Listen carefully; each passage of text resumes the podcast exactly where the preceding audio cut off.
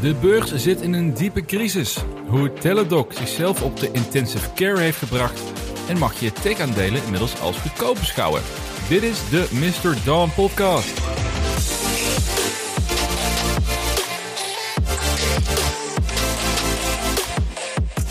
Zo, we hebben weer mogen genieten van een heerlijke week op de beurs. De Nasdaq is opnieuw fors gedaald, met zelfs 4,2% afgelopen vrijdag. Ja, dat is een van de pittigste dagen die ik tot nu toe heb meegemaakt. En sterker nog, eh, april was de slechtste maandelijkse performance van de Nasdaq sinds 2008, dus tijdens de financiële crisis. Ja, dat brengt de huidige beurs wel enigszins in perspectief, denk ik. Want het is echt een, eh, echt een bloedbad wat gaande is. En daarbij ook ontzettend lastig om goede beslissingen te maken. Wat wel een goede beslissing is, is om een vriend van de show te worden. En afgelopen weken zijn Chris en Roel toegetreden tot deze groep. Dus dankjewel mannen voor de steun. En de afgelopen weken ben ik extra aandacht aan het geven aan beleggers op de beurs die er vanuit technisch oogpunt naar kijken. En naar beleggers die al vele tientallen jaren actief zijn. En eigenlijk hoor ik nu vanuit beide groepen een beetje hetzelfde verhaal. Uh, dat de volatiliteit en de onberekenbaarheid van de beurs op dit moment echt bijzonder is. En ik denk dat het goed is dat we dat ook met elkaar allemaal, uh, allemaal beseffen. We hebben net een bull market van 12 jaar op zitten, waarbij we jarenlang geroepen hebben dat de koersbeweging bijzonder was. Ja, nu maken we eigenlijk hetzelfde mee, maar dan aan de andere kant van de medaille. Dus nu maken we een situatie mee die extreem bearish is, ja, wat echt niet gangbaar is tijdens normale beursomstandigheden.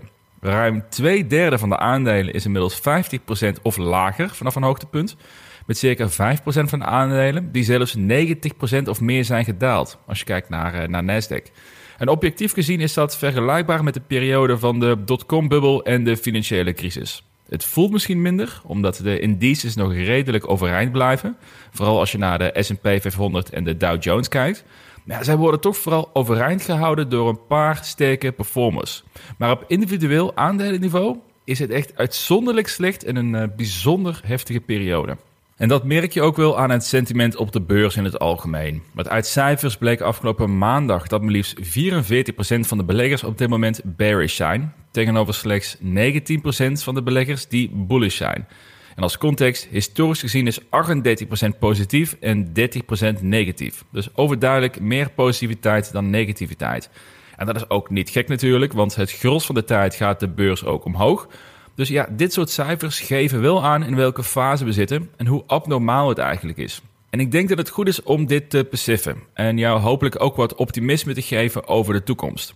Want ook na de depressieve periode tijdens die dotcom-bubbel en de financiële crisis ging de beurs uiteindelijk weer omhoog en hebben beleggers die stabiel hebben bijgekocht op redelijk termijn ook alweer een investering terug kunnen verdienen. En dat vooruitzicht is nodig ook, want ik begin steeds meer te merken dat de slechte resultaten op de beurs ja, ook al beginnen te leiden tot irritaties bij mensen. En dat is met name te zien aan de hoeveelheid negatieve of beidehand opmerkingen op social media. Uh, niet alleen bij mij, maar ook vooral bij uh, nou, de grotere kanalen, laat ik het zo zeggen. Dus je ziet bijvoorbeeld meer mensen die aangeven dat deze neerwaartspiraal al een tijdje geleden is verspeeld door goede traders. Of dat we dit hadden kunnen zien aankomen. Of mensen die geïrriteerd reageren over een aankoop of een verkoop van een aandeel, omdat dit tegen hun eigen perceptie ingaat. Ja, en ondanks dat het vreselijk irritant kan zijn om zo'n bericht te krijgen, en gelukkig is dat in mijn geval slechts sporadisch, dus ik ga er ook vooral niet overdrijven in deze, maar ik moet hiermee wel aangeven dat ik het sentiment wel begrijp. Veel beleggers hebben nu gewoon te maken met enorme verliezen op de beurs. En zelfs indexbeleggers hebben het bovengemiddeld zwaar. Dus wat ga je doen op momenten dat het slecht gaat? Dan ga je op zoek naar redenen en dus soms ook oorzaken die je de schuld kan geven voor jouw onfortuin. En ik denk eigenlijk dat dat zonde is. En met name doordat je dan jezelf de kans ontneemt om te leren groeien als belegger. Vandaar dat ik in deze aflevering onder meer wil praten over een paar portfolio-beslissingen van de afgelopen maanden. Hoe ze tot stand zijn gekomen. En welke lessen ik eruit moet trekken en hoe de komende maanden eruit gaan zien. Want los van de resultaten, die ik minder relevant vind op maandniveau, ja, is dit wel een van de beste momenten om echt van te leren. Want zoals ik net al aangaf, is dit een abnormale situatie op de beurs. Dus ook al is het een negatieve omstandigheid, deze leerkans ja, komt niet snel voorbij. Dus het is gewoon goed om daarvan ja, te benutten waar je nu in terecht bent gekomen. En gewoon te kijken van wat kan je eruit halen. Want uh, rendement eruit halen, dat is een uh, stuk lastiger in deze fase. Maar goed, dat volgt verderop in de aflevering. Allereerst wil ik zo meteen starten met een blik op de belangrijkste earnings update van de afgelopen week. De hele lijst aan big tech bedrijven hebben hun Q1 earnings gepresenteerd.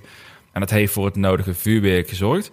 In het bijzonder wil ik stilstaan bij mijn portfoliobedrijf Teladoc en mijn redenen om deze positie volledig te verkopen na hun recente earnings update. En in het verlengde daarvan wil ik kijken naar de algehele waarderingen van tech-aandelen momenteel. Voor lange tijd zijn tech-aandelen ondergewaardeerd geweest, met behoorlijke ratio's op hun omzet en inkomsten.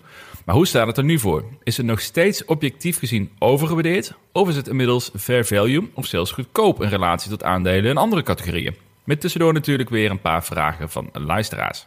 Maar voordat we van start gaan, eerst nog de bekende disclaimer. Dit is geen financieel advies. Doe altijd je eigen onderzoek en beleg alleen met geld dat je kunt missen. En vind je dit een leuke podcast, dan zal je mij helpen om een score achter te laten via de Spotify-app of via Apple Music. Nou, laten we beginnen met het nieuws van de afgelopen week. En dan in het bijzonder over de earnings van Big Tech. Want de hoge schommelingen van de Nasdaq die komen natuurlijk ergens vandaan. Het was een interessante week met updates van praktisch alle grote techspelers. Apple, Microsoft, Amazon, Google, Meta en nog meer gaven een update van hun prestaties van het afgelopen kwartaal. En ik denk dat overal gezien de resultaten redelijk in lijn lagen met de verwachtingen. Van deze megacaps behaalden alleen Google en Amazon niet de verwachtingen van analisten voor betreft hun earnings. En alleen Meta had moeite om de omzetverwachtingen te halen. En gelukkig maar, want anders had de Nasdaq waarschijnlijk nog verder onder druk gestaan in de afgelopen week. Maar dat merkten we afgelopen vrijdag, toen Amazon namelijk maar liefst 14% daalde in één dag. Doordat ze voor de eerste keer sinds jaren een verliesgevend kwartaal achter de rug hebben en hun omzetverwachting lager is dan analisten hadden verwacht. En mede door deze ontwikkeling daalde de Nasdaq met ruim 4%. Want zo'n resultaat vanuit een megacap, dit trekt natuurlijk uiteindelijk de hele beurs met zich mee. En sowieso is Amazon een interessant verhaal om meer over toe te lichten, omdat ik weet dat veel techbeleggers dit aandeel in hun portfolio hebben. Hun omzet is verdeeld over vier categorieën. Veruit de grootste inkomstenbron is hun online retail kanaal. Dat is bijna de helft van de totale omzet en ook wel hetgene hoe de meeste mensen Amazon kennen natuurlijk. Nou, dit onderdeel is licht gedaald ten opzichte van een jaar geleden. Maar hun online verkoop via derde is gestegen. En ook hun inkomsten door abonnementen zoals Prime is ook toegenomen. Dus dat compenseert elkaar wel. De belangrijkste groei, dat zit in Amazon Web Services. En dit is echt de groeipijler van het bedrijf waar ook de hoogste marges op gehaald worden.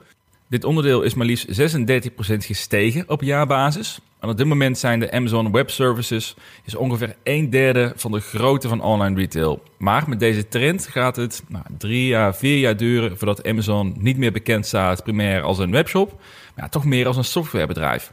En dat is positief voor het bedrijf, want zoals ik zei, daar liggen de grootste marges. En die groei is wel nodig ook, want voor Q2 verwachten ze slechts een groei van 3 tot 7 procent in totale omzet. Ja, en dan kan je er wel vraagtekens bij gaan zetten in hoeverre je Amazon nog als een groeibedrijf mag waarderen. En als we dan kijken naar de huidige waardering van Amazon, na de 14% daling van afgelopen vrijdag, dan is het bedrijf momenteel bijna 1,5 biljoen dollar waard, dus 1500 miljard. En dit is nog een tikkeltje lastig rekenen, maar mijn inschatting is dat het neerkomt op een forward price to earnings van ruim 50 keer. Maar dat is oké-ish voor een winstgevend bedrijf die nog 20 of 30% per jaar groeit. Maar dat lijkt er voorlopig niet in te zitten. En die getallen gaan we eventueel in de toekomst wel zien met Amazon Web Services, als dat een grotere impact gaat maken op de totale omzet. Maar dat gaat nog wel drie à vier jaar duren. Maar op basis van de komende twee jaar betwijfel ik eigenlijk of Amazon deze waardering wel waard is. Zeker tijdens een markt waarin teleurstellende bedrijven kei en keihard worden afgestraft. Wat ook belangrijk is om te weten, is dat de resultaten op hun Rivian-investering een forse negatieve impact hebben gehad op hun Q1-resultaat. Dit staat namelijk voor een verlies van 7,6 miljard dollar in de boeken. En dat heeft natuurlijk een forse impact op hun earnings. Nou, enerzijds kan je denken dat het eh, vanaf nu alleen maar beter kan gaan. Maar de koers van Rivian, waarop dit verlies is bepaald, lag op dat moment iets boven de 50 dollar. Inmiddels is de koers van Rivian gedaald naar rond de 30 dollar. Dus als de koers ook bij de volgende kwartaal-update onder de 50 is gebleven, dan betekent dit voor Q2 ook weer een enorm verlies op de Rivian-investering voor Amazon.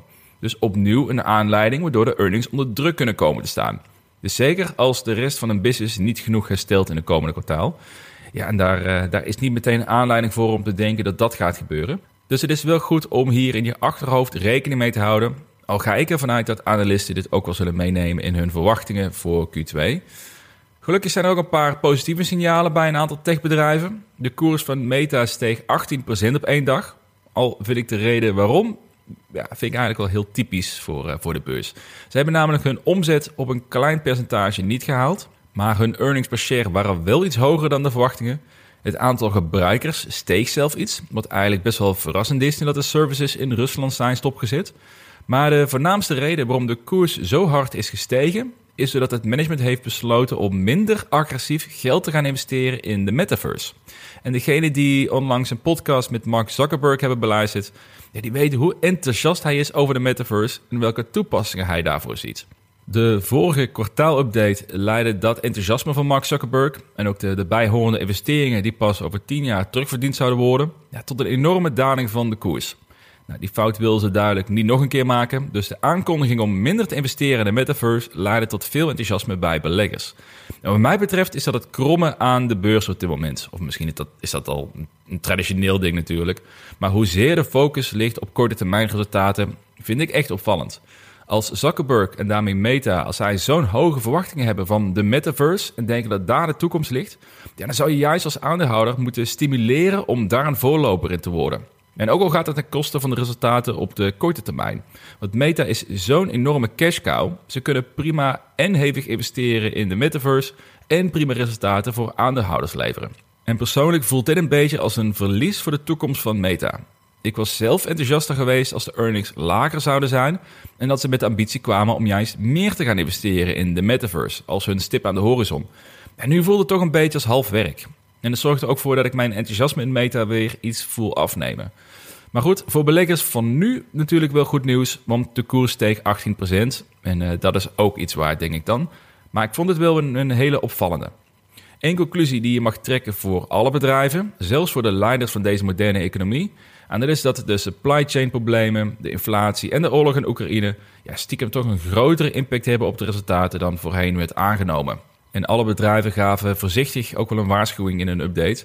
Het blijft ook voor hen lastig te voorspellen, maar het sentiment overheerst wel dat bedrijven iets conservatiever worden in hun verwachtingen voor de komende maanden. En dat is misschien maar beter ook, want we hebben gezien wat er kan gebeuren als management de verwachtingen te hoog maakt. Dat hebben we namelijk gemerkt bij Teladoc.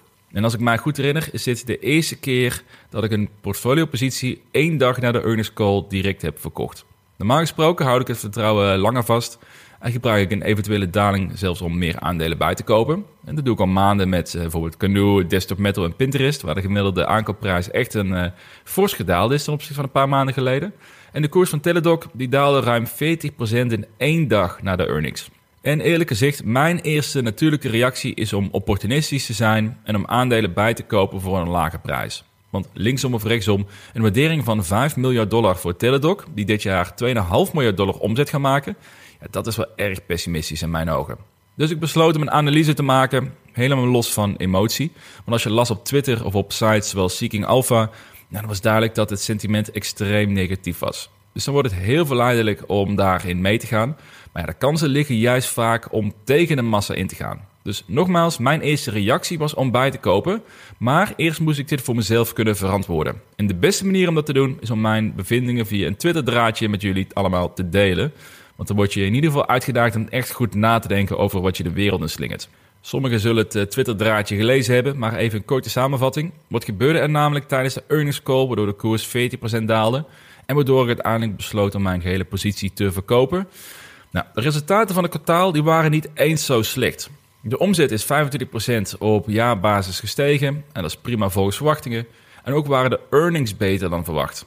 Er werd een verlies geleden van 47 cent per aandeel, terwijl vorig jaar nog een verlies van 1,30 dollar per aandeel geleden werd. En ook bleek dat het aantal betalende gebruikers is gestegen en ook de omzet per gebruiker hoger is geworden. Dus al met al eigenlijk best wel positieve resultaten. En als het hierbij was gebleven en de rest constant was geweest met de verwachtingen van het management van een kleine maand geleden, ja, dan had ik waarschijnlijk mijn positie ook sterk uitgebreid. Maar helaas, zoals je kunt verwachten, is dat niet het hele verhaal. Het probleem zit namelijk in de verwachtingen voor het komende kwartaal. Een maand geleden heeft het Teladoc Management een event voor aandeelhouders en fondsen georganiseerd. Of in ieder geval, ze waren aanwezig op een event voor aandeelhouders en fondsen. In dat event bevestigde zij hun verwachting dat de omzet jaarlijks met 13% zou blijven groeien voor de komende drie jaar en dat komend jaar een positieve EBITDA gehaald zou worden. Nou, dat was één maand geleden en het kwam overeen met hun guidance van de vorige earnings call van een kwartaal geleden. Maar wat blijkt nu uit deze update van afgelopen week?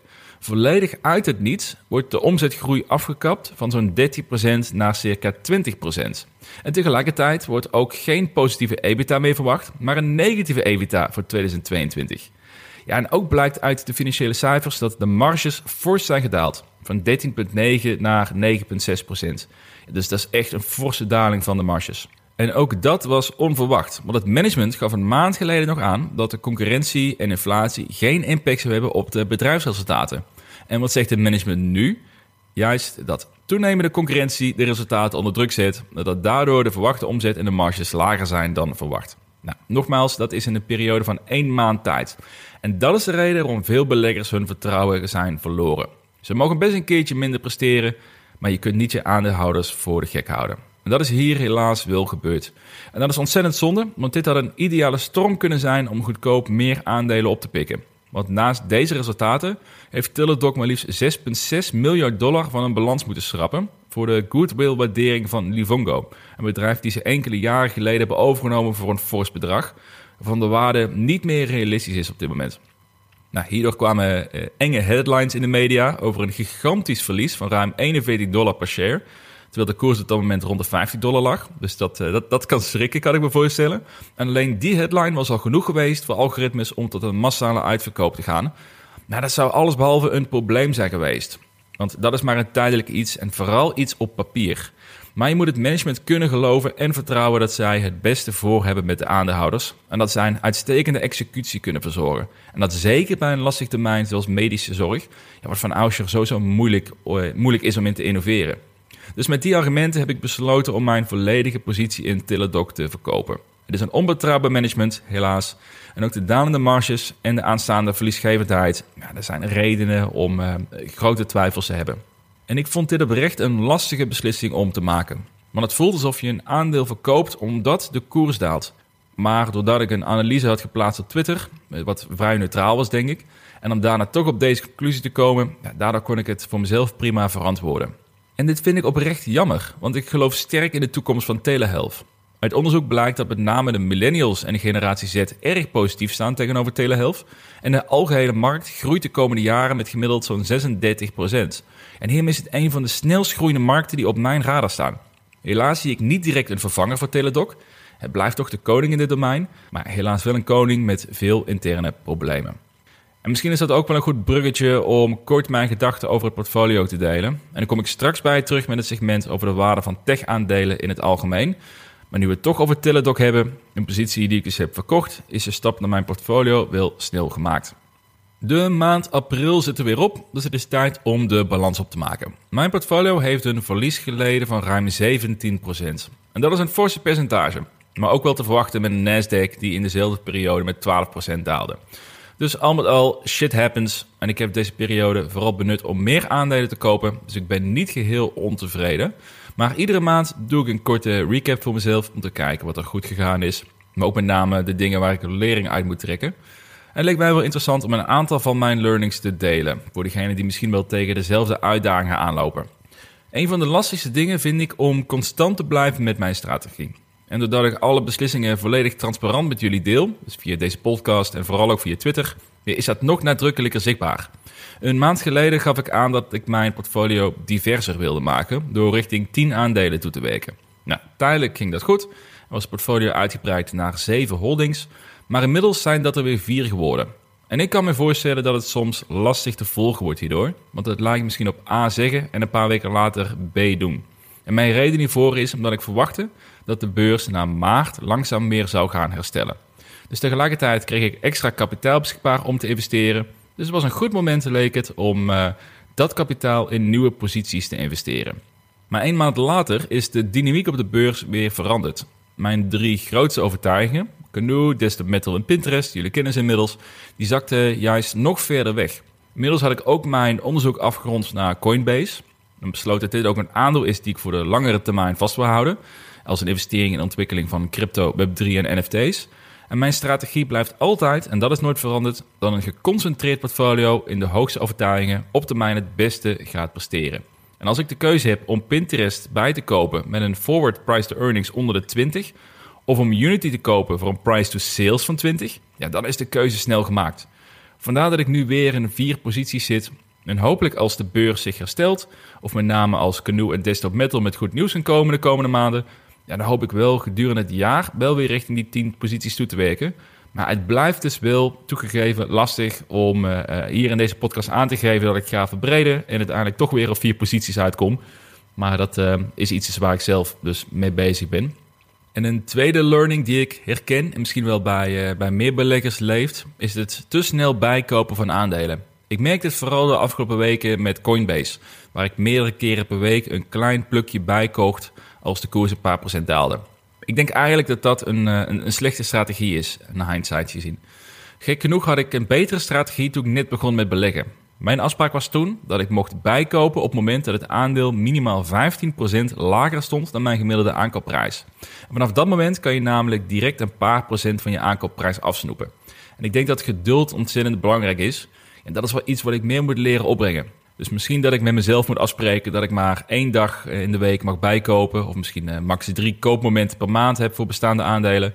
Wie weet geeft dat wat meer, wat meer handvaten. Maar ik denk dat geduld bewaren, en dat merk ik nu meer dan ooit tevoren, in, een markt die zo volatiel is, ja, dat dat eigenlijk wel een, een, een, hele goede skill is om te hebben en iets wat ik meer zou moeten benutten. Maar terugkomend op de introductie van deze podcast, stiekem ben ik eigenlijk wel heel blij dat we deze periode bewust zo meemaken. Ik denk dat deze fase ons als beleggers echt gaat vormgeven en dat het ook gaat helpen voor de langere termijn. Het opbouwen van een cashpositie, het serieus nemen van waarderingen en dus het geduld bewaren. Ja, dat zijn drie uitgangspunten die je hele beleggingscarrière waarde blijven houden. En aangezien ik optimistisch ben over de toekomst van de beurs, ja, maak ik dit liever nu mee dan wanneer mijn portfolio een paar miljoen euro waard is. Dus uh, wat dat betreft, um, um, always look on the bright side of life, uh, denk ik dan maar. Nou, tot zover even kort de portfolio learnings. Uh, goed om denk ik te gedeeld te hebben waarom ik Teladoc heb verkocht. We hebben gesproken over de earnings van de afgelopen week. En dan wil ik eigenlijk als laatste segment van deze podcast kijken naar de waardering van tech-aandelen in het algemeen. Is dit inmiddels een relatief goedkope categorie aandelen geworden in vergelijking met bijvoorbeeld de traditionele value-aandelen? Of moeten we hier toch nog eventjes geduld voor hebben? En om te starten met een vraag van Robert. Hij vraagt zich af welke impact een langere downtrend in de algehele beurs gaat maken op groeiaandelen die nog verliesgevend zijn. En ik denk dat die impact, Robert, inmiddels al duidelijk zichtbaar is geweest. Dus bedrijven die sterk verliesgevend zijn en agressief proberen om marktaandeel te winnen, die zijn het afgelopen maanden die zijn die het zwaarste afgestraft. Lemonade is daar een goed voorbeeld van, die zich richt op verzekeringen voor millennials. Die zijn 88% gedaald vanaf het hoogtepunt. Of een Snowflake, die 58% is gedaald. Want beide bedrijven die maken namelijk meer verlies dan omzet. En dat is prima als geld goedkoop is, maar dat kan niet meer in de huidige fase. Of in ieder geval, dat wordt niet meer gewaardeerd door beleggers in de huidige fase. Maar ik moet wel zeggen dat ik tegelijkertijd had verwacht dat winstgevende bedrijven daardoor meer een premium zouden krijgen in de waardering. Maar ook dat schijnt niet echt het geval te zijn. Dus al met al verwacht ik dat bedrijven die agressief blijven investeren en sterk verliesgevend blijven, ja, dat veel beleggers daar vanaf blijven zolang het sentiment zo negatief is als nu het geval is. Anderzijds, er komt wel weer een periode aan dat groei het allerbelangrijkste gezien wordt op de beurs. Ja, en dan zullen dit soort aandelen, zoals een Lemonade en een Snowflake, weer tot de favorieten gaan behoren voor veel beleggers. Dus wat mij betreft, mits de aandelen een financieel zekere toekomst hebben, door genoeg cash te hebben om bijvoorbeeld eh, drie jaar te overleven, dan kan het best wel interessant zijn om nu in agressieve groeibedrijven te investeren, terwijl de rest van de markt richting overgewaardeerde defensieve aandelen gaat. Tech-aandelen worden met name de laatste twee jaar gezien als een sterk overgewaardeerde categorie, als je gaat generaliseren. En dat heeft met name te maken met het principe waar ik het zojuist over had. Er zat ontzettend veel geld in de economie. Techbedrijven schalen veel sneller op dan traditionele bedrijven. Ja, dat leidde tot forse procentuele omzetstijgingen en dus ook hogere waarderingen in relatieve zin. Maar inmiddels is de Nasdaq de index waar de meeste klappen zijn gevallen. En zijn tech-aandelen terug op een plek gezet. Dus het is interessant om te weten of tech-aandelen nog steeds overgewaardeerd zijn in algemene zin, of zijn ze inmiddels relatief goedkoop geworden in vergelijking met de traditionele value-aandelen, zoals bedrijven in fast-moving consumer goods, eh, energie en eh, de banken bijvoorbeeld. Nou, om erachter te komen heb ik gekeken naar de historische gemiddeldes van de indices. De S&P, de meer traditionele index, heeft een historische PI-ratio gemiddeld van circa 15. Op dit moment is dat bijna 21. Dus de index is 40% duurder op earningsbasis dan historisch het geval is. De Nasdaq PI is momenteel 22,5. De gemiddelde historische PI 26,7. Dus dat betekent dat de Nasdaq momenteel 16% goedkoper is dan historisch. Terwijl dus de S&P 40% duurder is dan historisch. En traditioneel gezien groeien bedrijven in de Nasdaq-index harder dan in de S&P. Nou prima, dat is leuk als je een indexbelegger bent. Dus laten we ook even kijken of dit klopt op individuele basis. Ik heb vorige week gekeken naar een drietal typische value-aandelen en die vergeleken met drie typische tech-aandelen. Dit waren eh, Coca-Cola, PepsiCo en Kraft Heinz als traditionele fast-moving consumer goods bedrijven. Aan de kant van tech waren dat Facebook, Coinbase en Google. En wat mij direct is opgevallen, is dat op drie metrics om de relatieve waardering van een aandeel aan te tonen, alle drie de tech-aandelen veruit het beste uit de strijd kwamen. De price-to-earnings ratio voor die drie bedrijven waren vele malen aantrekkelijker dan voor de, tussen haakjes, value-aandelen. Maar ook op basis van free cashflow blijkt tech veel aantrekkelijker te zijn. En om nog maar te zwijgen over de omzetgroei die deze bedrijven laten zien. Want nogmaals, daar zit de kracht van tech-aandelen met name in. Namelijk dat zij sterk kunnen schalen. Het is veel makkelijker voor Google om 500 servers klaar te zetten dan voor Coca-Cola om vijf nieuwe fabrieken te openen bijvoorbeeld. En dit vergelijk heb ik met meer aandelen gemaakt. En overal komt eigenlijk hetzelfde verhaal terug. Tech-aandelen zijn op dit moment relatief goedkoop ten opzichte van de meer traditionele defensieve aandelen. En dat komt met name door het laatste half jaar, waarin veel fondsen zijn overgestapt van een groeistrategie naar een defensieve strategie. In het kader van de inflatie en het eh, moeilijker beschikbaar worden van kapitaal. En dat blijkt dus ook uit de cijfers. Hierdoor mag je tech-aandelen, even generaliseren natuurlijk, inmiddels als de nieuwe value-categorie beschouwen in mijn ogen. Maar natuurlijk wel hier ook weer een nuance bij, want er zijn nog steeds een hoop verliesgevende en overgewaardeerde techbedrijven waar je ver vandaan wilt blijven. Maar bedrijven zoals Google, Facebook, Apple, die zijn veel aantrekkelijker dan een hoop aandelen die traditioneel gezien worden als value aandelen. Dus ja, wat is dan echte value, kan je afvragen. Maar inmiddels beginnen zelfs aandelen zoals een Microsoft en Nvidia met een forward PE-ratio rond de 30 ook enigszins aantrekkelijk gewaardeerd te worden. Dus wat mij betreft is tech een domein waar je zeker niet vandaan wilt sturen, maar misschien juist al meer allocatie in zou willen opbouwen op dit moment, en naar mijn mening dan, omdat het relatief gezien een aantrekkelijke sector begint te worden. En uiteindelijk gaat de beurs weer kijken naar omzetgroei en uh, toekomstige earnings en free cashflow. En dan is er geen betere categorie dan tech om in te investeren. Nou, we gaan afronden. Dankjewel voor het luisteren. Check vriendvandeshow.nl slash MrDawn als je mij wilt steunen en toegang krijgen tot de exclusieve afleveringen. En graag tot de volgende week.